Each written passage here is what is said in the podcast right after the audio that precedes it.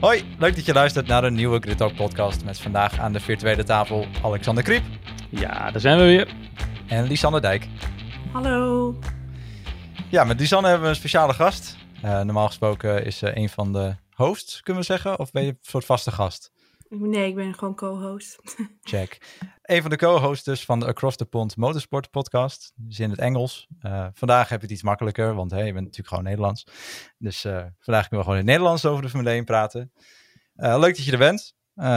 Jij was ook op Zandvoort, toch, dit weekend? Ja, klopt. Ik had kaartjes voor de vrijdag, want die waren het goedkoopst.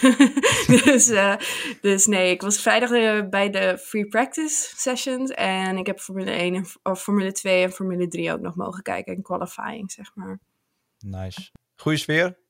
Ja, dat was, maar ik denk dat de vrijdag, zeg maar, ehm, publiek was heel anders dan die voor zaterdag en zondag. Want er waren veel meer mensen voor één dag. Jumbo had een actie dat je voor de helft van de prijs de kaartjes kon kopen.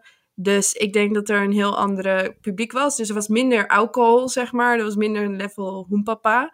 Er waren ook echt wel heel veel serieuze mensen, moet ik zeggen. Maar het was gewoon heel gezellig. Er is een goede atmosfeer, muziek tussendoor. Ehm, normaal is een rode vlag doodsaai als je thuis bent. Maar daar is het best wel gezellig eigenlijk. Dus eh, ik weet nog dat shirt op en, eh, doe je shirt uit en zwaaien opkwam. En dat eh, al de pitcrews zat te kijken van wat gebeurt hier tijdens een rode vlag.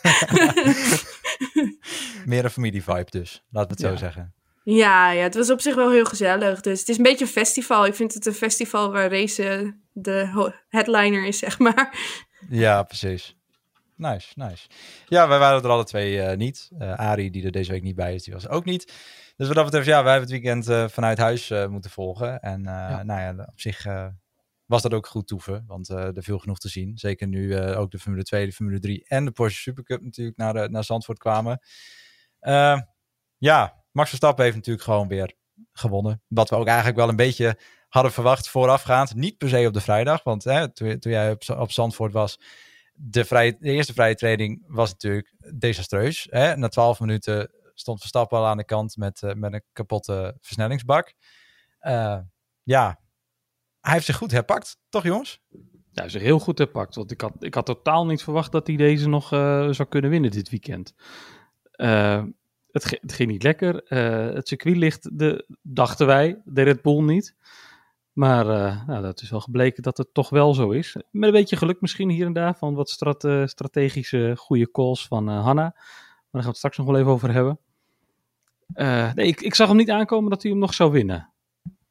Ik denk dat niemand dat had, want ik weet ook niet meer wat ze uiteindelijk met zijn snelheidsbak hebben gedaan, zeg maar. Maar ik weet dat ze zijn gearbox eerst de oude er weer in hebben gezet. En dat dat in Free Practice 2, zeg maar, zijn, eh, zijn tool was. En klonk ook minder dan zijn andere. Maar ja, dit was wel interessant om te zien. Maar ja, wat Max, Max doet, wat Max doet, denk ik dan. En dan denk ik van ja, ook al is het misschien meer een track voor Mercedes of McLaren zelfs, is het verrassend. Ja, aan de ene kant wel voor welke track we zijn. Maar aan de andere kant denk ik, ja, wat Max doet, doet Max. En dat doet hij elk weekend weer, of soms niet.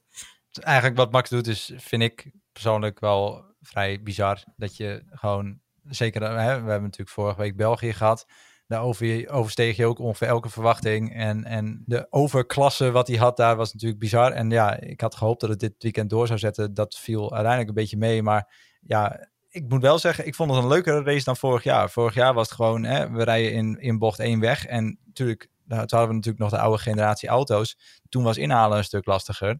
Ehm, maar nu was het eigenlijk, Max heeft nog best wel wat moeten doen om, Om eh, te winnen. om echt te winnen. Want Ja, Mercedes was gewoon sterk, vond ik. Die waren gewoon Ja. in de race echt, echt heel goed. Die zaten Ja. er ook in de kwalificatie al best wel goed bij.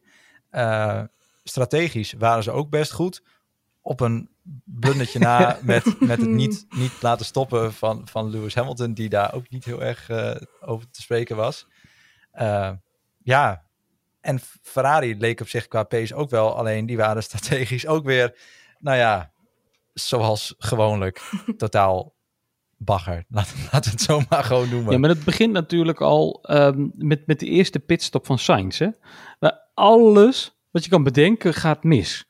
Weet je, Perez komt binnen, Sainz staat ervoor, Perez wil wegrijden en er ligt gewoon een wheelgun. Een wheelgun in Zandvoort, waar de pitstraat al zo verschrikkelijk krap is. Ik kan ik snap niet dat dat kan gebeuren en dat, dat, eh, eh, dat het eigenlijk zo makkelijk weggewimpeld wordt. Want als dat, ehm, weet je, je gaat toch met een, met een kracht van 1000 pk, je rijdt weg, je rijdt over die wielgun heen, die had de lucht in kunnen vliegen en die had zo drie, vier monteurs kunnen raken en, en, en zwaar kunnen beschadigen en, en letsel kunnen aanrichten. Ja. Ja, ik, het is gewoon Ik- Ik bizar. snap, ik snap ook niet dat de wedstrijdleiding gewoon letterlijk zegt... Ja, het is een, smal, een smalle pitstaat en hij lag ietsje verder dan normaal. eh, Dan, dan, dan, Hij lag niet binnen is, handbereik. ja, hij lag binnen handbereik volgens hun. Ja, En- maar En net ietsje verder dan, dan gewoonlijk. Maar niet blijkbaar exorbitant ver. Maar hij rijdt er wel overheen.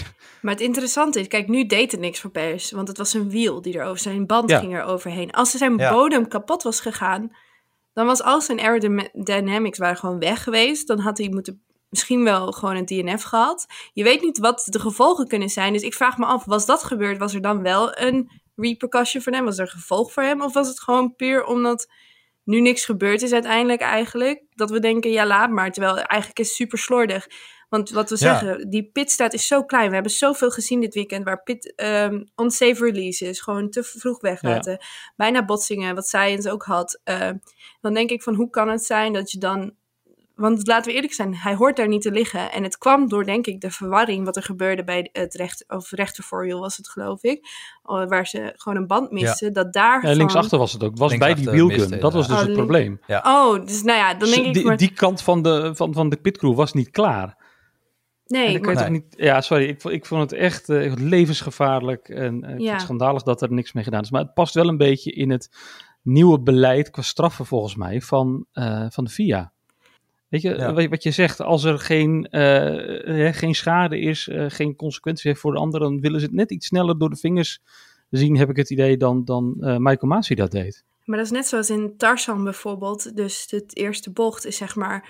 Als daar mag je, is eigenlijk bijna de enigste overtake mogelijkheid. Dus de enigste waar ze eigenlijk gewoon heel goed er langs kunnen.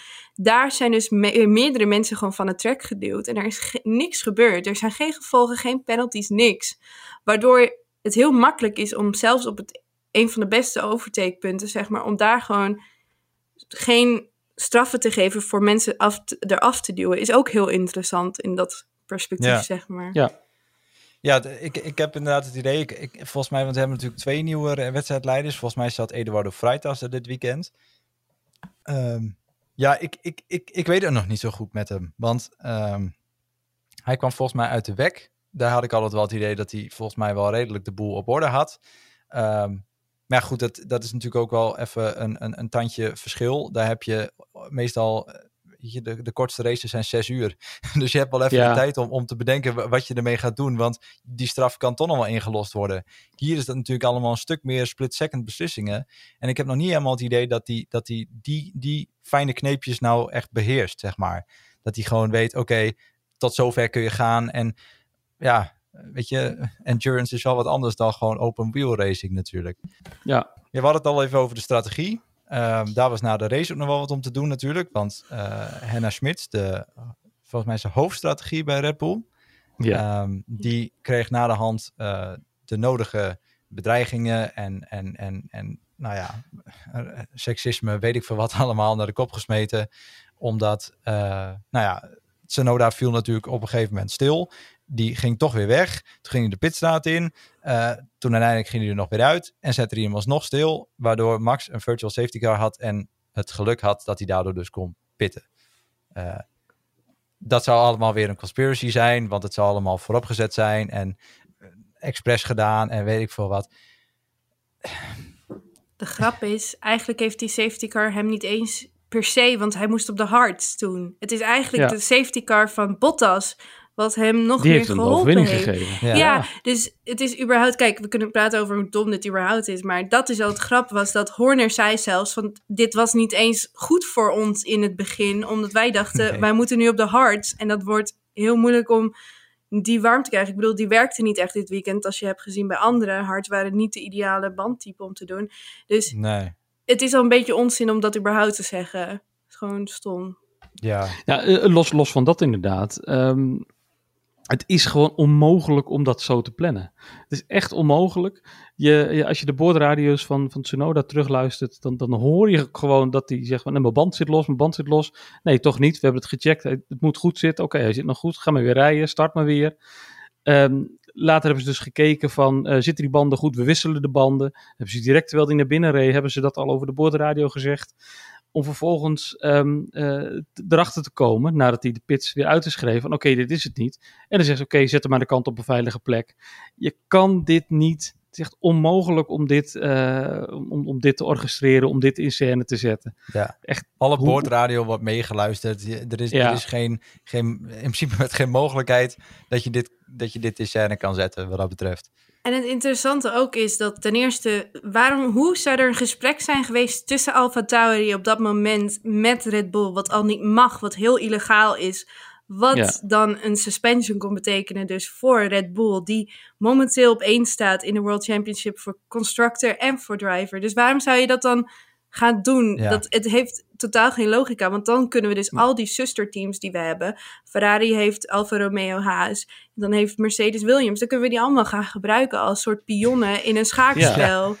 Ja, precies, gewoon rijdende chicanes en eh, ja. er zit er een Kijk, knopje bij bij de pitwall van Latifi eh, hebben crash. natuurlijk gewoon niet eens, niet eens opzet nodig. Die, doen- die is dat sowieso al. Maar ik bedoel, inderdaad, het, weet je, dit, het, is, het is zo ridicuul. En ja, goed. Ja, maar je, ook, kijk, weet je, Toto Wolf, die speelt het dan wel weer in de kaart. Hè? Want die, eh, die reageert ook van, ja, als wij voor een kampioenschap zouden vechten, dan hadden we dit wel even laten onderzoeken. Daarmee voed je dus al die, al die mafkezen die dit soort dingen kunnen bedenken, die voed je daarmee. En Ja. ik denk, wat wil je er nou bereiken? Toto, wat wil je hier nou mee bereiken? Maar dit is echt, Helemaal niks. Echt een soort, zeg maar, we gaan even terug naar vorig jaar. Dit was precies vorig jaar hoe er in de media, het was gewoon Red Bull versus Mercedes en er was geen enkele, zeg maar, manier om met elkaar om te gaan of gelijk te geven. En dat vind ik zonde. Ja. Dat vind ik zonde. Ja, het- het is ik- niet nodig. nee, precies dat. Weet je, geef gewoon toe, eh, geef gewoon toe als Mercedes zijn van, oké, we hebben Lewis, we hebben ehm, eh, geaccepteerd dat Russell, die kwam zelf met het punt van, jongens, ik wil zachte banden hebben. We moeten door de pits, want het moet voor de, ik moet door de pitstraat rijden, want dat eh, moest voor de safety car, safety car. Je mag dus stoppen op dat moment. Eh zeg, oké, ik ben er, geef me die banden, dat kost me drie seconden. eh, en ik ben weer naar buiten. Die plekken die haal ik wel weer terug. Dat is een riderscall geweest. Lewis kiest ervoor om dat niet te doen. Die legt het bij het team neer. En dan gaat hij vervolgens miepen van... jongens, jullie hebben me... eh, you, you fucked me. En ja, wat wil je dan? Is Ja. Lewis nou gewoon... Is hij nou gewoon klaar? Is, het gewoon, is hij tweede coureur geworden bij Mercedes? Je krijgt wel een beetje het idee dat, dat, Ja. het, dat het zo is. Want hè, Russell presteert gewoon solide. Kijk, Lewis is ook niet slecht dit seizoen. Ik bedoel, die Mercedes die, die klimt gewoon qua performance. En aan het begin Ja. van het seizoen dachten we, oké, nou ja, eh, misschien tot in 2025. Maar, Maar ja, nu, Lewis nu staat wel zitten ze er 30 best wel punten achter bij. Russell, hè? Even Hoeveel punten constructeurs. 30 punten. Ja, nou ja, Dat is best precies, veel. ja. Nou het ding Ja. is, wat het verschil heel erg is, ik denk wat Russell wel heeft laten zien, is dat hij veel consistency heeft. Hij is gewoon constant wel goed aan bezig. En wat je ook moet denken is, kijk, Lewis is wel een beetje gewoon, als ik zeg het vroeger, waar Russell toch meer de toekomst is. Dat klinkt gemeen, Ja. weet je wel, want hey, is Lewis is nog steeds gewoon een goede coureur, daar niet van. En een van de betere die we hebben gehad. Maar het is gewoon, je ziet dat daar een shift is. En dat moet Mercedes ook doen. Je kan niet zo doorgaan als je deed met Bottas. Dat lukt gewoon niet. Dus realistisch gezien, als ze slim zijn, doen ze het ook op die manier. En dit was Russell zijn eigen call ook, hè? laten we eerlijk zijn. Precies. Ja. Want dat is wat we zien steeds meer in Formule 1, is dat coureurs mee moeten denken met de strategy. Ja. En die gaan niet alleen maar op die Question. strategie uit van hun, weet je wel, dat doen, dat doet Science moet het zo doen. En dat deed Sebastian Vettel ook altijd bij Ferrari. Dat is misschien Ferrari hun geluk geweest vroeger, waar ze nu misschien dat niet hebben. En Ja, maar wat dat heeft Science Michael natuurlijk in het verleden ook altijd. Die, die Ja. dacht ook mee. Die, sterker nog, die bedacht volgens mij de hele tactiek gewoon terwijl hij aan het rijden was te plekken. Ja. Gewoon van, oh, nou laten we nu dit doen. Ja, Weet Ja, je, en ik denk eh, bijvoorbeeld dat je dat nu eh, wel eigenlijk ook wel eh Russell moet geven, is dat, dat, dat die strategische calls, dat hij daar zelfs daar nog mee bezig is, terwijl hij gewoon heel constant rijdt. overcapaciteit. Dat, dat- ja, weet je, inderdaad. Het is wel overcapaciteit en dat getuigt wel van zijn talent. En Ja. ik denk wel, kijk, weet je, Mercedes is eigenlijk één of twee jaar te lang doorgegaan met Valtteri Bottas. Hè, dat, dat, dat was natuurlijk een prima wingman. Maar zodra Lewis uh, er niet meer stond, had hij het eigenlijk te moeilijk met Max Verstappen. Terwijl je in principe met die auto gewoon had moeten winnen. Alleen ik denk wel dat die twee jaar wel voor George Russell in, dat, in die complete, nou ja... ja precies, die heeft bij zijn Williams in, was, in zijn Williams heel veel geleerd. Heel veel geleerd heeft. Ik bedoel, die heeft wel gewoon met een, een onbestuurbare auto heeft hij wel gewoon het maximale gepresteerd. Ik bedoel, hij was altijd sneller dan zijn teamgenoot. Altijd, altijd gewoon deed hij zijn best. En ik denk dat dat hem nu wel, zeg maar, de, de, de vruchten afwerpt in die, in die Mercedes. Gewoon ja. slim zijn, strategische calls kunnen bedenken. Ja, wat dat betreft sowieso future world champion uh, als, als hij de auto heeft. Maar uh, ja, knap. Gewoon echt heel knap. Maar als we dan even terug gaan in die hele conspiracy theorie, zeg maar, waar ook Mercedes dan op involgt. Als het Perez was, had je nog een goed begin van een verhaal. Maar dit is Yuki Tsunoda. Ja, en daarin vind ik Mercedes dan ook weer dat ik denk van... het is zo duidelijk wat er gespeeld heeft. Lewis heeft zelf gezegd... ik reed door de pitlane, ik zag de soft staan... maar ik was niet binnengehaald. En toen dacht ik van ja, jij bent niet binnengehaald. George is ook niet binnengehaald, heeft zichzelf binnengehaald. Ja, ja dat, dat is het verschil. En, maar dus hij zegt dus inderdaad, het, het team heeft me genaaid, maar eigenlijk heeft hij zichzelf genaaid. En uiteindelijk, weet je, dan zegt hij na de hand, zegt hij weer, ja, nee, dat was mijn fout. En weet dat, het team heeft, heeft zijn best gedaan. En dan komt hij er weer op terug. Alleen, op dat moment, ja, je moet ook zelfs op zo'n moment gewoon kunnen zeggen: hé, hey, wacht, ik heb hier iets fout gedaan. En niet het meteen afreageren. Ik snap dat het een heat of the moment gevalletje is. Alleen, uh, dit moet wel weer, zeg maar, uren na de race komen. en dat, ja, ja dat, dat, dat is jammer. En, maar goed, tegelijkertijd, weet je, hij heeft wel zeven keer de wereldkampioenschap gewonnen. En uh, laat het zo zeggen, ik heb het niet. Dus weet je, nee, maar, kritiek op hebben, maar ja. Even, even terug naar, naar Hanna. Die heeft natuurlijk wel met haar team um, dit hele seizoen en uh, nu ook. Zij heeft dit, deze wedstrijd in Zandvoort voor gezorgd dat Max hem heeft gewonnen. Ja. Ze heeft op, exact op de, op de juiste momenten gezegd: ja, oké, nu naar binnen, zachte band, dat kunnen we dan, uh, dan zitten we goed.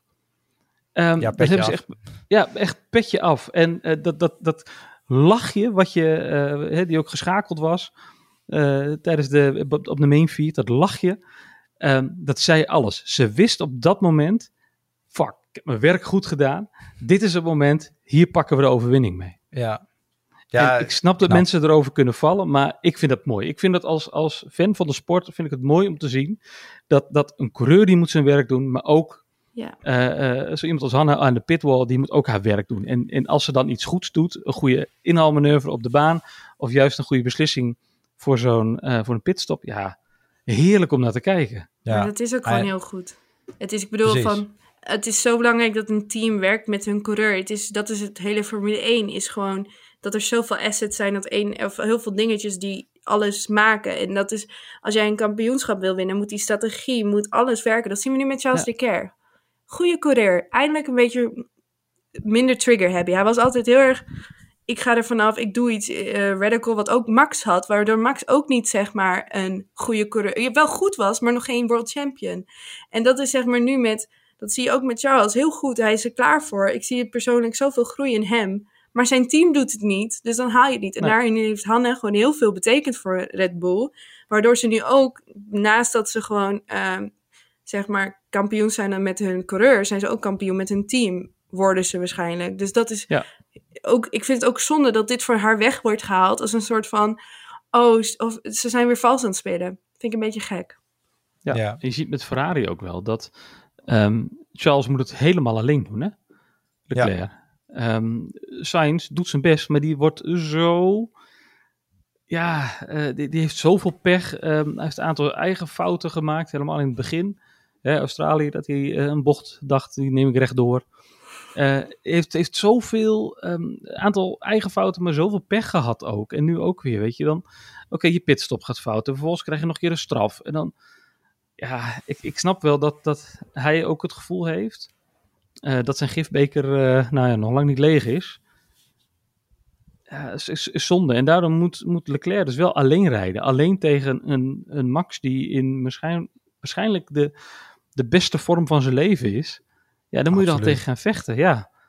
Ja, Max, verstijgt, uh, Max overstijgt ook alles en iedereen en zichzelf. Het is, eh, ja, het is bizar. En ik denk oprecht dat, dat we het einde, dat we daar het beste nog niet eens van gezien hebben. Dat Nee. kan nog wel eens gaan, moeten gaan komen. Die, eh, die kant zit er dik in, eh, inderdaad. Ja. we hebben Mercedes dus al eventjes besproken. Ehm, op een gegeven moment, eh, na de pitstops, eh, had Max dus die eerste plek afgegeven aan, eh, aan Lewis Hamilton. ehm, op oudere banden. En meteen op de herstart sloeg Max toe. En met Ja, wat een ini-mini, ini-mini Ja. verschil. Dat was, hoeveel was het? 16.000ste, toch? 16.000ste volgens Ja. mij. Het is echt Ja, dat, dat, dat is allemaal maar net goed gegaan. Want anders moet je die plek opgeven. En ja, goed, dan was hij er alsnog wel een ronde later voorbij gekomen. Laten we eerlijk wezen. Eh, nou, maar dan was het wel anders gelopen. Want de- volgens mij, ehm, even, even eh, in, in Max een cockpit kruipen. Dit kan je niet zo perfect timen. Dat is Nee. onmogelijk. nee. Als ik dat kan, nou, ik weet niet waar, het, waar, waar we dan het, het eindigt, zeg maar. Maar Ja. dat, dat gaat niet. Dit is echt puur geluk geweest. Ik denk dat hij een inhaalactie in heeft gezet. Hij had een goede exit. Hij had echt een hele goede exit. Eh, een goede herstart. En ehm, hij is er gewoon voor gegaan in de hoop dat het goed ging. Maar voor hetzelfde geld ehm, moet je dus inderdaad de plek teruggeven. En je haalt in op dat moment, terwijl er nog ehm, een een vlag hangt. Hè. Er hangt op dat moment gewoon een gele vlag. Want pas over de start-finish, omdat je onder de safety car bent, eh, pas dan is het, eh, heb je de groene vlag en mag je weer racen. Mag je hem weer inhalen. ja, Dus hij is daar echt eh, heel, heel van de naald goed, gekropen. ja, heel goed weggekomen. Maar Ja. fantastische herstart. Absoluut, absoluut. En dan hadden we natuurlijk nog Russell en Hamilton. Die ook eventjes een onder onsje hadden. Nou ja, da- da- daar was ook wel weer even een gevalletje. Wie is nou de eerste coureur? Ja. ja, daar kan natuurlijk Russell gewoon als, als, als beste naar boven en eh, als beste uit. Dat scheelt ook niet veel. Dan, Nee, dan hadden we Echt weer een gesneuvelde koptelefoon gehad bij Toto. Ja, maar dat Ja. niet alleen. Als dit was gebeurd, weet je, dan zitten we gewoon weer terug in Nico Rosberg's eh, tegen Ja. Lewis Hamilton. En er is misschien minder oud zeer, maar dan nog, eh, dat is het ergste wat er kan gebeuren. Dat hebben we gezien bij Daniel en Max. Als je tegen elkaar incrasht als teammate, Ja. dat is gewoon het kutste wat, oh sorry, dat is gewoon het ergste wat er kan gebeuren. Dat is gewoon een situatie, kan je nog met elkaar omgaan, wat heel gek klinkt. Maar dat is toch wel belangrijk als je samen in een team zit, dat je ook echt als een team kan werken. En als daar ego bij komt. En vooral als je iemand hebt die zoveel kampioenschappen heeft tegen iemand die je eigenlijk heel graag wil. Ja. Dat zou, nou, dat zou alles veranderen. Echt waar. Ja, maar ik snapte niet helemaal goed wat er nou gebeurde. Want ehm eh, Russell die, eh, die heeft DRS, die eh, heeft betere banden, die komt eraan. En het leek op het, op het la- allerlaatste moment alsof die teruggefloten werd van nee, je mag hem niet inhalen. Oh, doe toch maar wel. In, in dezelfde, in dezelfde Ja. zin. Nou, ik, ik, ik, ik zag het net wat anders. Ik had echt gewoon het idee dat het gewoon pure, pure frustratie van Lewis Hamilton was. Die gewoon Ja, ga ik verdedigen of niet? op- Inderdaad, ga ik, Ja. maar, ik, ik verdedig maar gewoon, want hè, dan heb ik in ieder geval even laten zien dat ik er ben. Ja. Hè, dat, dat, dat, dat, dat, dat, dat het niet alleen maar om George Russell draait. En dat, dat hij zich gewoon genaaid voelde door het team. Wat natuurlijk eh, op dat moment in de heat of the moment begrijp, eh, begrijpelijk is. Maar hij heeft natuurlijk gewoon zichzelf in de voet geschoten, zoals we al, al besproken hadden. Is het dan op dat moment dat Lewis denkt van dat dan echt de, de, ehm, de racer in hem naar boven komt en denkt van nee, je komt er niet voorbij, ik, ik blok je. En dat hij precies op het moment, hij was, hij was al begonnen, hij ging al naar rechts, dus hij was al Ja. aan het verdedigen. En dat hij dan ineens bij zinnen komt en denkt oh nee, wacht, dit is mijn teamgenoot, vechten heeft geen zin, want hij gaat er toch wel voorbij, beter voor het team. Wat gaat er dan in Lewis zijn hoofd om? ik denk dat de debrief daarover niet heel, niet heel eh, gezellig was, laten we het zo zeggen. Nee, ik zit net even te, te kijken. Maar Lewis die gaat naar rechts. Russell die, die denkt, oh, dan ga ik naar, eh dan ga ik naar links, ga ik links even voorbij. Eh, maar er was eigenlijk geen ruimte. Dus eh, ja, het, het was denk ik een beetje van beide. Ik denk dat Russell wat twijfelde van, ga ik nou links, rechts? Ja, eh, en en Lewis dat wilde even laten Lewis- zien dat hij er was. Ja, op een plek ging ik verdedigen waar het niet komt. Hij was heel vroeg, eh, echt net na, na de finishlijn ging hij al naar rechts. Ging hij al die verdedigende lijn rijden. Ehm, dus dat... eh, nou, laten we het even op eh, miscommunicatie houden. Ja, ik denk dat dat, eh, dat dat het beste is, ja. ja, Ja, daar hebben we eigenlijk nog eh, Sergio Perez. Ja, hebben jullie hem echt gezien? Maar dit is al Deed sinds? Monaco zo. Hij heeft sinds Monaco zichzelf niet laten zien. Het is een beetje zo van, oh ja, Perez is er ook. ja, ja, het Ja, klinkt lullig. Precies zo van, hij komt over de finish. Oh ja, hallo Perez. Ja, dat is het. Hij, hij scoort punten, maar dat, daar houdt het ook wel mee op. Max helpen doet hij niet. Maar in Nou Q3 ja, is wel, hij ook, hij is ook uitgecrashed hè, tijdens de, de Ja. kwalificatie. Dus ja, ik, ik weet niet wat er met hem gaande is. Ehm, het is een beetje het jaar van de teammates niet op hetzelfde level performen, behalve Mercedes en Ferrari misschien. Ja. Ja. En daarbij is het alleen helaas meestal beide vrij middelmatig. Ja, Eh, Ja. ja. Maar ja, Perez Nou, wel je ziet met Perez natuurlijk wel dat, dat de auto onder zijn kont weg ontwikkeld wordt. En dat zegt hij ook heel eerlijk. Van ja, ik moet gewoon harder werken om, eh, om, om nog maar enigszins bij te blijven. Ja. En normaal heb je dat over als je gewoon bij kan blijven. En je kan harder werken en dan eh, er dichtbij kan zitten of er voorbij kan gaan. Maar die Ja. ruimte is het nu dus niet meer. Hij moet alles uit de kast halen om dit te kunnen doen. Eh, gewoon omdat het niet zijn type auto is. Ja, dat Nee. kan. Maar eerlijk, ja, niemand anders kan ook in zijn stoel zitten. Laten we eerlijk zijn. Ik denk dat niemand Nee. anders. Want we hebben dat nu al gezien met Albon, we hebben het gezien met Gasly. Daar is gewoon weinig opties. En dan, dat dat betreft doet Perez wel zijn werk. En nou ja, niet Ja. altijd is hij daar om te helpen. Maar Max heeft die hulp ook niet nodig momenteel. Nee. Ja. Nou ja, Misschien moeten ze in- Latifi in die auto zetten. En dan eh, zorgen ze gewoon dat hij iedere keer in de eerste bocht iedereen eruit crasht. Probleem opgelost. Heb je geen Ja. concurrent meer? Nee, maar ja, dat zo naar de oplossing overwinning. is. Ja, levert wel veel geld op. Want de beste man brengt natuurlijk nog wel een flink, eh, flink zakcentje mee. Maar goed. Ik denk Ja. dat je meer moet betalen in het repairen van al die auto's. Ja, dat denk ik ook wel, ja. Elke kwalificatie. Kan niet uit. Ja, ja. Nou ja, ja gewoon vijf, vijfde plek, tien punten. Ja, eh, prima. Ja, En eh, ja, dan op de zesde plek eh, hadden we Alonso. Eh, Goeie Ja. race. gewoon weer gewoon weer een goede race. Gewoon het maximale weer uit die Alpine gehaald. En eh, gewoon prima.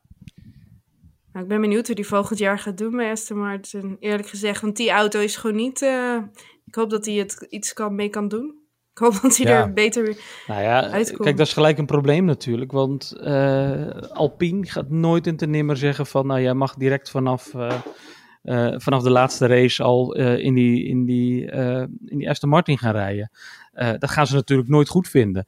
Dus hij wordt pas betrokken bij die auto op het moment dat hij al doorontwikkeld is. Dus volgend jaar is linksom of rechtsom voor Alonso in die, eh, in, in die auto is gewoon een, is een probleem. Ja. Weet je wel, Maar ja, hij gaat hem niet naar zijn hand kunnen zetten. Maar is dat, hoe is dat met... Ja, ik vraag me dan af, omdat hij natuurlijk vorig jaar ook al heel goed deed. Terwijl hij toen eigenlijk jarenlang niet in Formule 1 was natuurlijk.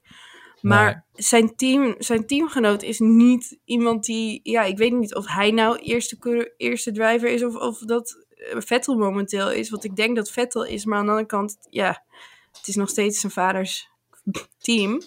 En Ja. wat, wat doet hij er nog, kan je je afvragen soms. Maar St- Stroll, absoluut. Dat, hoe heet Ja. dat? Stroll heeft hier ook al geregeld de Maldonado van de week gehad. Maar weet je, kijk, ik denk dat oprecht bij Alpine momenteel eh, Alonso degene is die de boel ontwikkelt.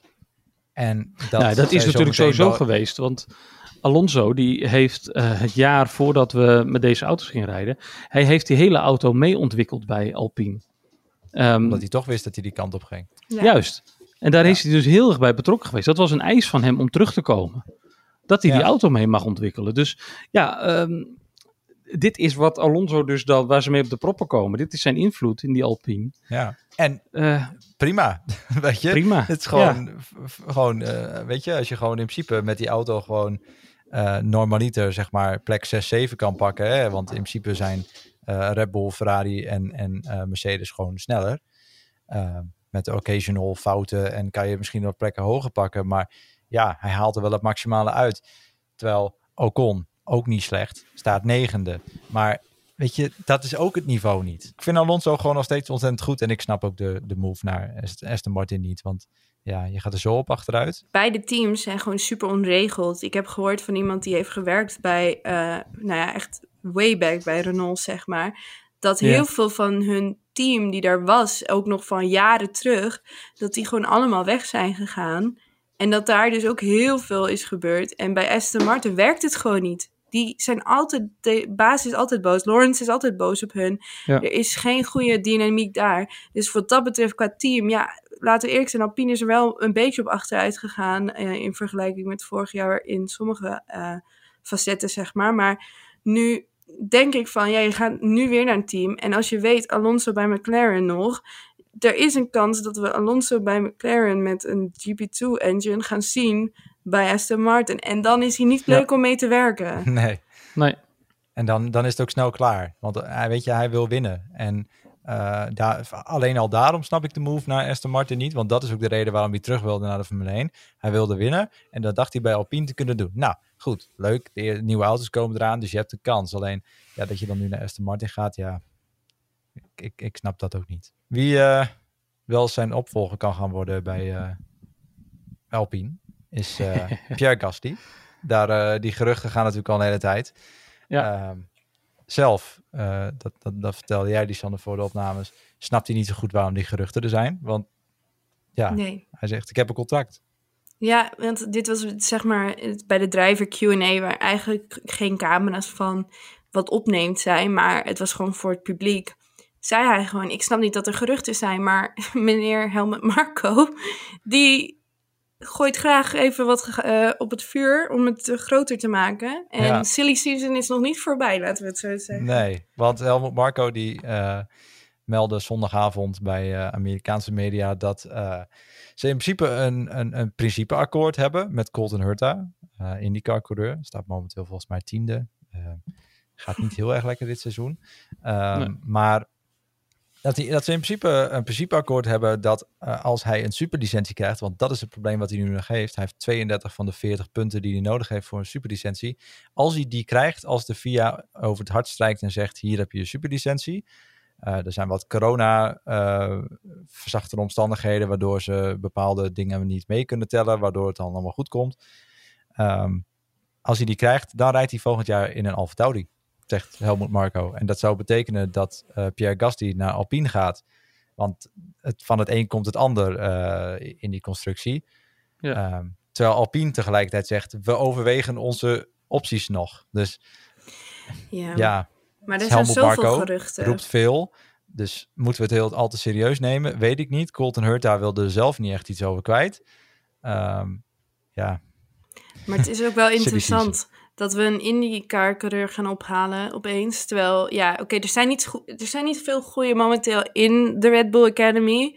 Maar um, bijvoorbeeld degene die nu voor de kampioenschap uh, in Formule 2 gaat, heel goede coureur, zit echt mijlenver voor de anderen in uh, momenteel. Ja, Zo iemand, hij heeft, ja, maar hij, ja, hij heeft niet eens een team waarmee hij, zeg maar, een association nee. heeft. Niks. Hij heeft gewoon niemand met wie hij werkt. En dan denk ik van, nou ja, hun Haal Academy... binnen. Ja. ja. En dan Ja. denk ik, nu kan je, als jij een jong talent bent, wat Red Bull altijd heeft gedaan, waarom gaan we nu opeens, zeg maar, iemand uit IndyCar plukken? En het, het- ik snap niet waar die move opeens vandaan komt. En ook over, als we over de Alpine-stoel praten, waar natuurlijk nu niet Oscar Piastri heen gaat, is ehm, mijn vraag ook, wie gaan we daar, gaat Gasly daarheen? Past Gasly bij Ocon? Hoe is dat allemaal gedaan? Maar het is puur dat Franse nationaliteit dat ze graag willen hebben. Ja. Ja, en, en alle verhalen die ik daarover hoor is dat eh, zodra je te veel Frans in een team krijgt, dat alles met de Franse slag gaat. Dat, volgens mij was het Ernest Knors die dat, die dat dit weekend vertelde op, op Viaplay. Die zei, het werkt niet. Alles, Nee. alles wordt zeg maar, gebeurt een beetje eh, op 90%. Nou, en, wat, wat, wat ik ook een probleem daarin zie, is dat eh, Gasly is niet een duidelijke nummer 1 nummer één in een team. Dat is Ocon bij lange na niet. Ocon is, Nee. eh, mij betreft, een van de meest overrated eh, coureurs van de afgelopen zes jaar. Ehm, Ja. Die had van mij niet terug hoeven komen, maar daar ben ik altijd duidelijk in geweest. Ehm, Ocon gaat Alpine niet aan een kampioenschap helpen. helpen. absoluut. Gasly gaat dat ook niet. Dus wat zij hebben, zij hebben ehm, eigenlijk een ervaren coureur nodig. Misschien dat een Bottas daar wel meer tot zijn recht zou komen eh, dan een Gasly. Ik, ik, Ja. ik zeg het maar, ehm, maar dat is. eh, Of dus ik toch denk Ricciardo terug. Hè, Nou. dan, da- die, die, dat, dat, dat verhaal gaat maar ook natuurlijk dat ook. denk hè. ik ook niet, want Ricciardo is, is ook gebleken dat hij geen nummer 1 kan zijn. Nee. Tegelijkertijd kan hij natuurlijk wel in een team wat al een beetje gebouwd was richting Lando Norris.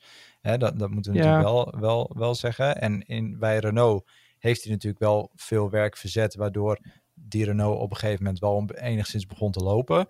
Hè, hij heeft ook gewoon gewonnen in, in, in die Renault. Dus ja, het, het kan. Ik denk dat hij wel een nummer 1 zou kunnen zijn. Alleen ik vraag me af of eh, je die, die move terug nog wel wil, aangezien je zo daarop ja, Niet per se Nou, dat je eigenlijk gewoon, we het gewoon zeggen, hij heeft voor het grote geld gekozen. Ja, dat is en, de reden. ehm, ja, heeft, heeft daarmee eigenlijk zijn hele team laten stikken. Ja, maar ik denk dat dat toch wel anders ligt hoor. Bij, bij ehm Alpine, want je ook moet denken, daar is zoveel veranderd. Dat is niet meer Cyril, eh, dat is niet meer de mensen die er toen waren. Dus um, ik geloof niet dat die hele brug verbrand is, zeg maar. Burning bridges, zeg maar. Ik weet niet hoe ik het in het Nederlands moet zeggen. Maar ik denk Ja. niet dat die connectie verpest is, zeg maar, op die manier. Nee. Want ik heb toch het gevoel dat waar Alpine nu in zit, ze lijken ten eerste super dom door de hele situatie wat hier is gebeurd al. Ze hebben een, een, lege stoel. Nou ja, ik vind Gasly heeft heel veel talent. En ik geloof er altijd in dat hij misschien nog wel een toekomst heeft bij een beter team. Misschien niet Alpine. En niet als eerste coureur, maar als tweede. Maar ik vind dat, ja, ik zie Ricardo daar nog wel heen gaan. Maar ik, ik weet het niet. Want ook Haas, we hebben het over dat Ocon wil Mick Schumacher er hebben. Die wil vriendjes zijn met eh, degene die komt. ja. Ja. En dat betreft, hij loopt daar heel hard voor te lobbyen. Wat heel interessant is, is dat betekent gewoon dat hij gewoon niet Gasly wil. En iedereen loopt Nee. altijd de sp- speculaties over, hoe, speculeren over hun relatie. Nou, die is niet goed, laten we eerlijk zijn. Nee. Nee, nee, die zijn geen vrienden. nee. Dus, en dat moet je niet willen binnen een team. Dus ik, Nee. ik snap van Ocon dat hij zegt ik wil Schumacher hebben. En Schumacher die, die loopt natuurlijk zo meteen aan het einde van het jaar uit zijn contract bij de Ferrari Driver Academy. Is ook niet zeker van zijn, van zijn stoeltje bij, bij eh, Haas. Ja, ja, is ook een optie. Maar is, is Schumacher iemand die een team gaat leiden? Nee. Nog niet. En misschien, misschien ooit, misschien niet. Ja, De grootste grap zou zijn als ze Nico Hulkenberg zouden ophalen. En gek genoeg zie ik ze dat ook nog doen ook hoor. ja. Dat zou me niet verbazen. Is wel, is wel, is wel meer een leiderstype. Weet je, is wel gewoon een bak Ja. ervaring en zo. En, en, en ja, goed. eh, hij heeft nooit, nooit podium kunnen rijden. Nog steeds pijnlijk. Oei, Duitsland. Oei. Eh, Ja. Al Flashback. twee jaar uit de Formule 1, hè? Ehm, Ja. twee jaar niet tegelijkertijd-. Ja, maar ja, Ja. Magnussen hebben ze ook teruggeplukt. Wie had gedacht dat Ja, Magnussen terug zou komen? We hebben Nick de Vries, maar ik denk als die ergens heen gaat, zal het Williams zijn. Ehm, Voor de rest, ja, Stoffel van Doorn kunnen we terug gaan halen uit, eh, uit eh, zeg maar de oude doos. Ik, ik heb een zwak voor Stoffel, dus van mij mag het altijd. Ja. Maar Ja, maar ik ben ook benieuwd. Ik wil hem altijd nog een tweede kans geven. Daar niet van hoor. Ik heb altijd gezegd van hij verdient nog een tweede kans bij een team dat wel functioneert. Ach, dan halen we Kimi gewoon terug, jongens. ja, dat Ja. kan ook altijd nog. Maar ik Nee, denk, die heeft, die heeft het te leuk bij Nas NASCAR. Heb je Ja, gezien hoe waar. veel plezier hij daar heeft? Ja, hij die, lacht. die vindt dat veel te leuk. Ja, Ja.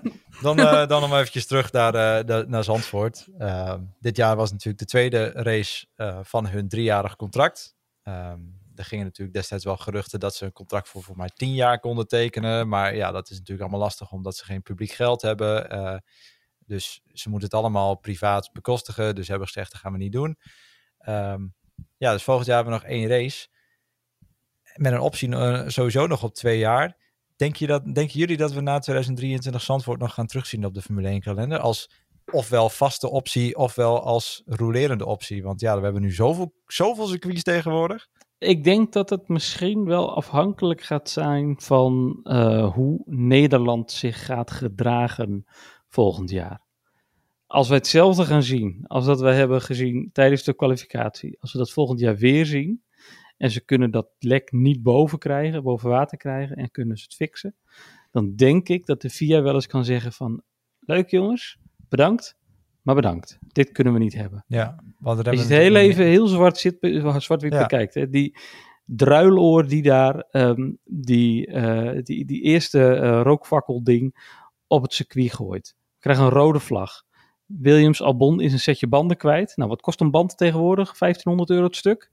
Ja. Eh, weet je, ik bedoel maar, een rondje rijden eh, is ook niet goedkoop. Eh, alle tv-rechten die erbij zitten, al die crews over de hele wereld die langer moeten blijven zitten, omdat er een Nederlandse debiel is die het bedenkt om, eh, dat het grappig is om zo'n ding op het circuit te gooien. ridicuul. dat, is, Ri- dat, is, Precies. dat, is alles, dat is alles wat je ervan kan zeggen. En Het gaat echt nu al om miljoenen, hè? Eén rookpadje, miljoenen. Maar dan ben je Ja. toch geen racefan? In mijn Nee. ogen, als je dat erop gooit. Want je bent daar om Formule 1 te kijken. Je gooit het erop. Dan ben je toch op dat moment. Het enige wat je aan het doen bent. Ben je aan het verpesten. En het is niet grappig. Het is niet leuk. Ik snap het nut er niet van. hey, die fakkels. Hartstikke leuk aan het einde van de race. Als we hebben gewonnen. Maar eh, laten we het niet op de trek gaan gooien. Nee. nee. En, uh, weet je, en dan, dan flikker je dus zo'n ding op de baan. Dan word je dus van het, uh, hoe heet dat? Ten eerste krijg je een, een, een bierdouche van hier tot Tokio. Alles en iedereen kots je uit op die, op die tribune. En dan ga je nog stampij maken ook. Word je, ja, word je bij de lurven gegrepen, word je van het circuit afgezet, je wordt overgedragen aan de, aan de politie, je krijgt het proces verbaal, uh, je moet nog verhoord worden, waarschijnlijk een nachtje in de cel. Uh, en je kaartje van, van, nou ja, daar in stadionsectie zal het voor de zaterdag zo, zo richting de 400 euro gaan, denk ik. Ook nog voetzie. Ja. Voor volgend ja. jaar is het 550 euro, dus ga daar nou, eens van precies. uit. Weet je, dus dat soort prijzen, dat heb je er ook nog bij. Wat, wat is de lol? Echt, ik, ik ja. Ik, ik, ik heb uh, een paar jaar geleden, uh, zat ik op Spa. Um, dacht ik, oh leuk, ik ga op de Max Verstappen tribune zitten. Werkelijk waar, grootste fout die ik in mijn leven heb gemaakt. Ik heb daar, ik zat er met twee vrienden. Um, nou, we hebben ons zitten ergeren. En dan gaan er dus mensen, als je dus ervoor kiest om op je stoeltje te blijven zitten, op het moment dat de snollebollekers aangaat van links naar rechts, um, dat jij op je stoeltje blijft zitten omdat je gewoon de race wil kijken. En dan gaan mensen nog raar naar je kijken ook. Gaan zeggen, hey, gast, sta eens op. Sorry. Echt, uh, ik kan je mij niet gekker krijgen. Ik, denk, ik ben hier om Formule 1 te kijken. Ik ben hier niet om door een oranje vaas. In de eerste ronde, ik heb niks gezien toen. Ik heb alleen maar ja. mijn lucht zitten happen omdat er uh, zoveel van die fakkels afgestoken werden. Maar je kan ja. ook er niet in ademen hoor, want vrijdag werd er ook één afgestoken. Ik kon amper lucht happen. Ja. Echt waar, het is gewoon... Het is ik echt niet oké. Okay. En dat mag niet hè. Ik kreeg de regels, hè, omdat ik een kaartje heb. Ik kreeg de regels doorgestuurd. Daar staat duidelijk in dat je het niet mag meenemen. Maar daardoor, ik vind de security is zo lekker als een mandje, want ze hebben geen tas doorgezocht voor mijn gevoel. Want ik heb meerdere mensen in de bus van, met wie ik zat, hadden we het erover hoe slecht de controle was. Dus als je als Nederlandse GP zeg maar dat niet wil, dan ga je ook beter controleren. Want dan was dit niet gebeurd. Snap je? Ik vond het ook best wel leuker uitzien vorig jaar en zo. Maar ja. Dan zit je er niet in. Nee. En toen lagen maar, ze niet op de baan. Precies. En de, het is gewoon een beetje over, ja, gedraag je. Wat, uh, wat, wat Ja. doen we? Maar ik vind ook, ik vind, ik, vind, ik vind ook oprecht, we moeten ook zeggen ehm, hoe slecht het op, eh, op zaterdag ging. Zo goed go- ging het Ja. tijdens de race. Ja. Ik vond het, eh, 100%. weet je, eh, iedereen die luistert, chapeau jongens, Eh, goed gedaan. Eh, ge- netjes gewacht tot de max gefinished is. Toen weer die dingen afgestoken. Weet je, ik hou er nog persoonlijk nog steeds niet van. Maar dat is wel het moment Nee. om het te doen. Ja. En Dat- echt ja. geen seconde eerder. En ik denk dat dat wel iets is wat, wat gewoon ook nogmaals benadrukt moet worden. Het stond inderdaad in de regels. Er stonden, voor zover ik op social media heb gezien, borden, eh, borden buiten het circuit waarop stond dat je ze weg moest flikkeren of thuis moest laten Ja. of wat dan ook. Dat ze niet mee naar binnen mochten. En kijk, het ziet er inderdaad leuk uit na de race. Alleen, het mag nog steeds niet. Weet je, dan zijn we alsnog aan het gedogen. Klopt. En als dingen niet mogen, dan mag het ook niet. Weet je, dan zijn we in Nederland goed in zeggen, dingen oh ja, het is, na, het is na de race en het is feest, dus laat maar. Nee, ja, eh, weet je. En de, ja, ik ben in ieder geval blij dat de beste man die, Maar- het op, die op zaterdag dat ding heeft geflikkerd, dat die eh, in ieder geval gewoon adequaat is aangepakt. Uh, Eh, twee zijn erop gepakt uiteindelijk. hè? Ja, maar Ja, er is nog eentje voor die andere ook nog. Ja. Die andere die is ook... eh, Maar het ding is ook wat met de Nederlandse Grand Prix dan ook, wat ook nog een ding is, is van het is eigenlijk gewoon, het is niet zo'n goede track. Laten we eerlijk zijn, het is niet super, de pitlane is te klein. Er komen Ja, gewoon ja. problemen door. We zitten met een, waar zeg maar overteken gewoon amper mogelijk is, behalve misschien in de Tarzan. En af en toe, en dan beter dan vorig jaar hè, met de nieuwe auto's. ja, maar absoluut. Ja, ook met de verlengde DRS-zone heeft Ja. ook geholpen. Ja, in, precies. Dus dat, het heeft al heel veel geholpen. Maar ik denk, kijk, het, het is er meer omdat... Waarom hebben we heel lang geen Nederlandse GP gehad? Omdat er geen interesse misschien zoveel in, in, in Formule 1 was. Met Max en opkomst hebben we meer fans gekregen. Snap je wat ik bedoel? Er zijn gewoon een... een Ja. De massa is meer meegekomen.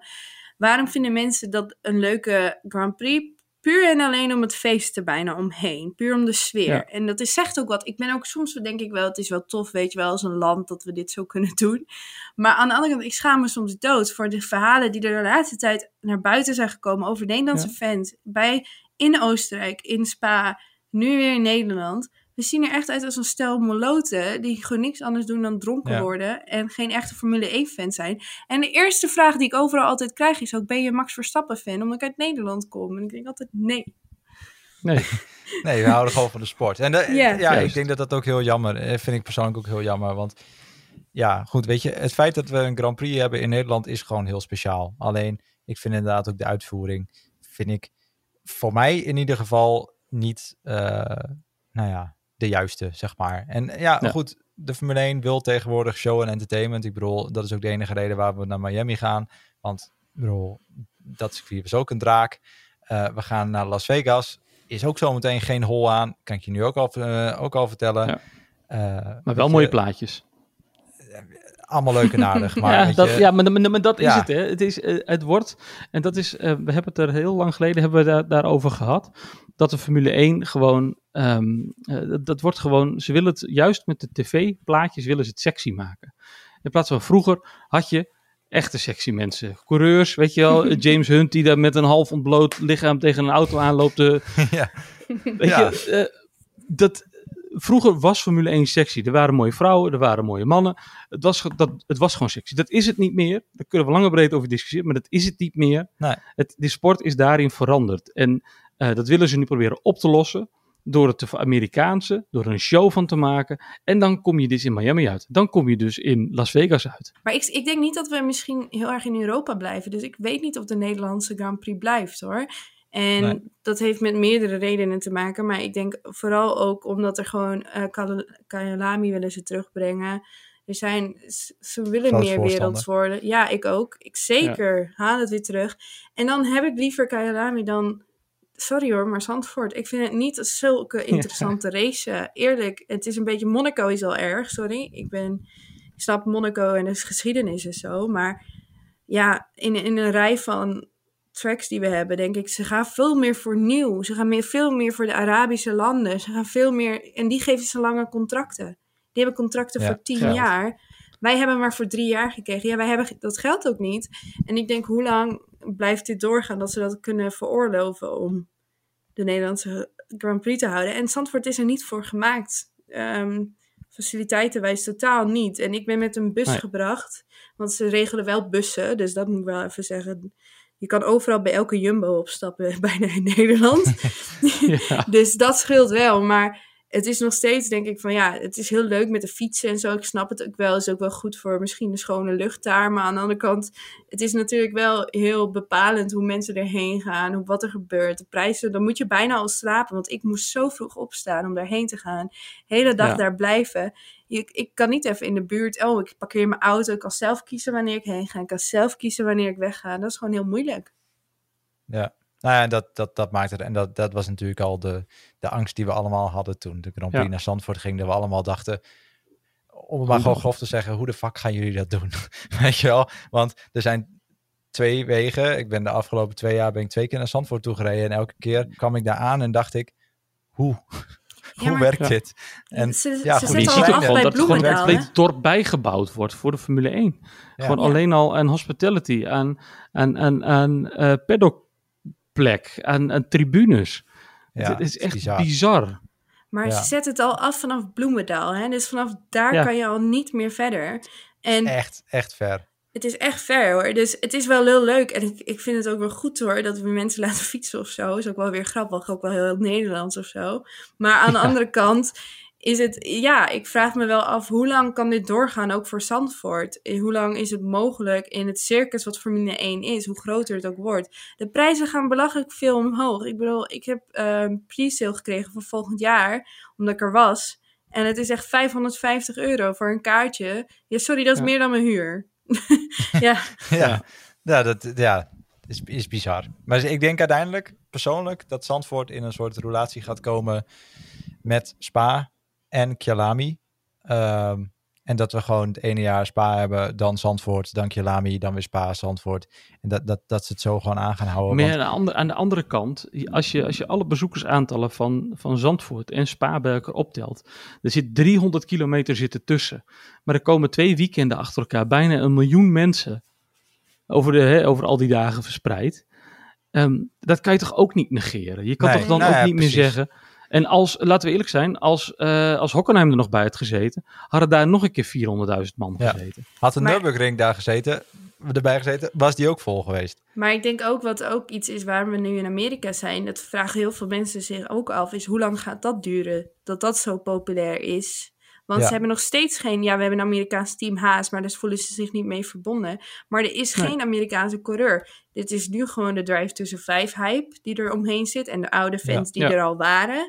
Maar hoe lang is het nog, zeg maar, houdbaar voor die drie tracks om genoeg mensen te krijgen voor je Ja. de komende jaren? Ja, en als je dan, als je dan in Saudi-Arabië bent, of, of eh, welke zandbak dan ook, eh, daar, heb je, daar heb je geen publiek zitten. Weet je wel, als je, je wilt toch ook, als je het dan hebt over, we willen het Formule 1 sectie maken, dan heb je daar wel publiek voor nodig. Ik, ik denk dat ze zich daar niet in moeten verkijken en dat ze de, de eh, Grand Prix in Europa echt totaal niet moeten vergeten. Maar Nee. ik ben bang Nee, dat het daar dat wel naartoe sowieso. gaat. Ja, ik ben Daar er ben ook bang, voor, hoor, voor. maar Want Duitsland, ik vind steeds dat we Duitsland nog echt missen. Gewoon heel Ja. erg. Ofwel Hockenheim of Heim Nürburgring. ik bedoel, ja. Ja, Ja. Ik, ik was vorige week op dat Nürburgring en dan denk ik, ja, waarom zijn we hier niet? Weet je, het is nog steeds super modern, het is groot, alles is ruim. eh, zelfs met het DTM gewoon, hele Ja. weekend zit het gewoon vol. Duitsers en autosport is, ze komen echt wel. Ik, denk dat het wel een spannende tijd wordt eh, voor Zandvoort en volgens mij zouden ze nu de komende maanden zouden ze erover na gaan denken en volgens mij poeh, de media-update is alweer even geleden, maar het, ergens willen ze wel nog dit jaar volgens mij een beslissing nemen over wat ze gaan doen. Eh, Ja. Wat betreft die verlenging, want ze hebben dus een optie op twee, extra twee jaar. Ehm, maar ja, weet je, Heineken moet betalen, Pond moet betalen, 538 moet betalen, alle, alle sponsoren moeten betalen. Prins Bernhard. Ja. Prins Ber Nee, nou, ik denk dat, alleen. die, dat die een van de weinige mensen is die er weten van wordt. Eh, Prins Bril. Maar ehm, ja, ik, zolang dat allemaal, zo- zolang de financiën op orde zijn, zullen ze het wel doen. Maar ik, ja, ik, ik, ik zou het jammer vinden, laten we het zo zeggen. Het is wel weer een plekje die bijvoorbeeld, eh, nou ja, Ja. Ook, wat ook de Nürburgring had kunnen zijn. Ja. Maar ja, dan eh, Volgende week Monza. vol- volgende week Monza. We hebben natuurlijk ook nog even een Maldonado van de week, hè? Oh ja, Eh, ja. Persoonlijk zeg ik weer Latifi, want de beste man kan gewoon echt helemaal niks. en wordt gewoon twee keer gelapt. Vervolgens wordt hij geunlapt. En eindigt dan volgens mij alsnog op bijna twee ronden weer. Dus ja, wat, wat doe je? Waarom ben je er nog? Dus ik, ik kan me Ja. niet voorstellen Maar dat die volgend jaar er nog, nog, nog rijdt. Ehm, en mijn andere was eh, persoonlijk eh, F2. Roy Nissany heeft eh, zijn twaalfde strafpunt in, eh, in een jaar tijd. Dus hij mag eh, de volgende race niet meedoen. Ja, long overdue, zeggen de Engelen, Engelsen. Want het, het- oh, ja verschrikkelijk. ik wil hem denk ik toch aan, eh aan Tsunoda geven. Ja? Ja, vijfde reprimande, tien plaatsen gridstraf voor Monza. Dat is zo, ja. Ehm, zo. eh, overal genomen dit seizoen verdient hij, vind ik dat hij met zijn vijfde reprimande, hoe lullig die ook is, ehm, dat hij wel eventjes de Maldonado van de weekprijs eh, mag verdienen. Ja. Niet helemaal een populaire mening, maar Ik vond Ik, juist eh, dat hij een ja. goed weekend had. ja, nou, dat wel, eh, dat wel. Maar ja, Ja. hij heeft toch zijn vijfde reprimande gekregen.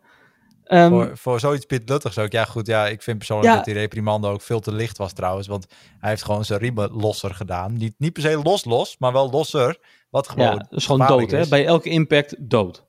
Mm. Dat moeten mensen Ja. niet vergeten, wat voor, eh, eh, hoe, hoe belangrijk die gordels daar in de Formule Precies. 1 auto zijn. Dus dat je met een reprimande wegkomt, vind ik Ja. nog best knap. Maar dit doet me echt denken aan die driver room video's waar het ging over dat eh, Hamilton altijd zijn eh riemen losser deed om Ja, te zwaaien. precies. Die met Grosjean. Ja, Ja. Ja, ja, nee, ja, het is onveilig. Moet je niet doen.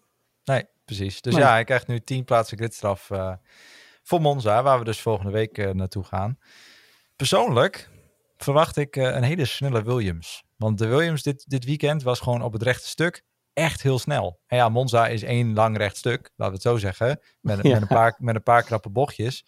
Ja, je moet Maar er een rondje van dat maken, hè, die- dus ja. dat Die Williams daar de, de, het tijdverlies wel weer goed maakt, zeg maar. Dus eh, ik denk dat die wel eens eh, een top 10 finish kan gaan halen. Eh, Albon dan. Ah, ik was Albon dan natuurlijk. Ja. Ja, Latifi die eindigt dus nog op twee ronden. Die, die doet waarschijnlijk nog even een rondje van, van, van, die, van die halve banking van Monza. Die Ja. raakt gewoon ergens in de war. Ja. Zal me niks verbazen. Ja, ik denk dat, ehm, dat het wel eens Max zijn vijfde zege op rij kan gaan worden. Nou, sterker nog, ik denk dat het Max zijn vijfde zege op rij gaat worden. Ehm, en dat zou toch wel heel mooi zijn.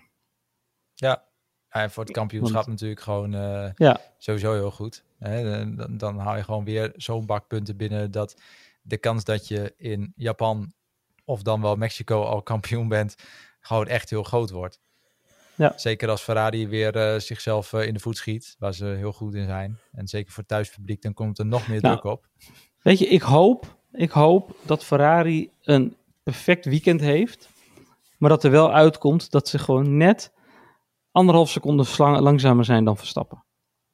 Ja, Dat gun ik ze. Ik gun het ze, zeg maar, om met een echt een strijd ehm, tweede en derde te worden. Het zou mooi Ehm, zijn voor de tifosi in ieder geval. Precies. Voor de tifosi, ja. Ik geloof dat Science een penalty heeft. Ja, hij moet eh, zijn PU-element moet veranderen. Ik weet niet. Maar uh, dus, Nou, uh, dat, dat is, uh, wordt alweer top. Ferrari dus, al, Ferrari dus Ja. alweer tegenslag heen. Ja, Ja, nou ja dus- eh, ja. nee. Maar dan heb je kans dat ze het voorzorg eh, eh, Perez ook eh, een nieuwe motor eh, erin steken. denk Ja. ik ook. ja, ik denk dat ze Eh. Ja, precies. Waarom niet? Max, Dus Max dit- heeft net een verse, Leclerc ook. Ja. Ja. ja, dan zou ik het ook weer gewoon gelijk trekken. Maar ik denk dat, kan je eh, prima inhalen. dat, dat Red Bull sowieso wel goed gaat doen. Veel straight line speed, dan kunnen we het ook wel over Red Bull hebben natuurlijk. Ja, I mean, ik zou wel weer wat anders willen zien, zoals vorig jaar. Ik bedoel, ik hou van mijn gekke racen tussendoor, waar iemand anders een keer wint. Gewoon realistisch gezien wordt weer Red Bull gewoon, ja. Ja. Ja. Ja. Nou ja dat dat, is- is, dat, ja, dat is eigenlijk de, de verwachting voor de rest van het seizoen ook wel een beetje.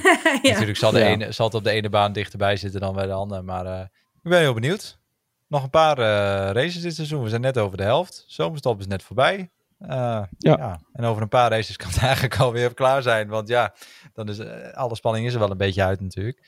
Dus eh, hopen dan maar op een, eh, op een leuke race. Dan eh, gaan we u uiteraard weer op de hoogte houden op uh, en via onze Facebookpagina.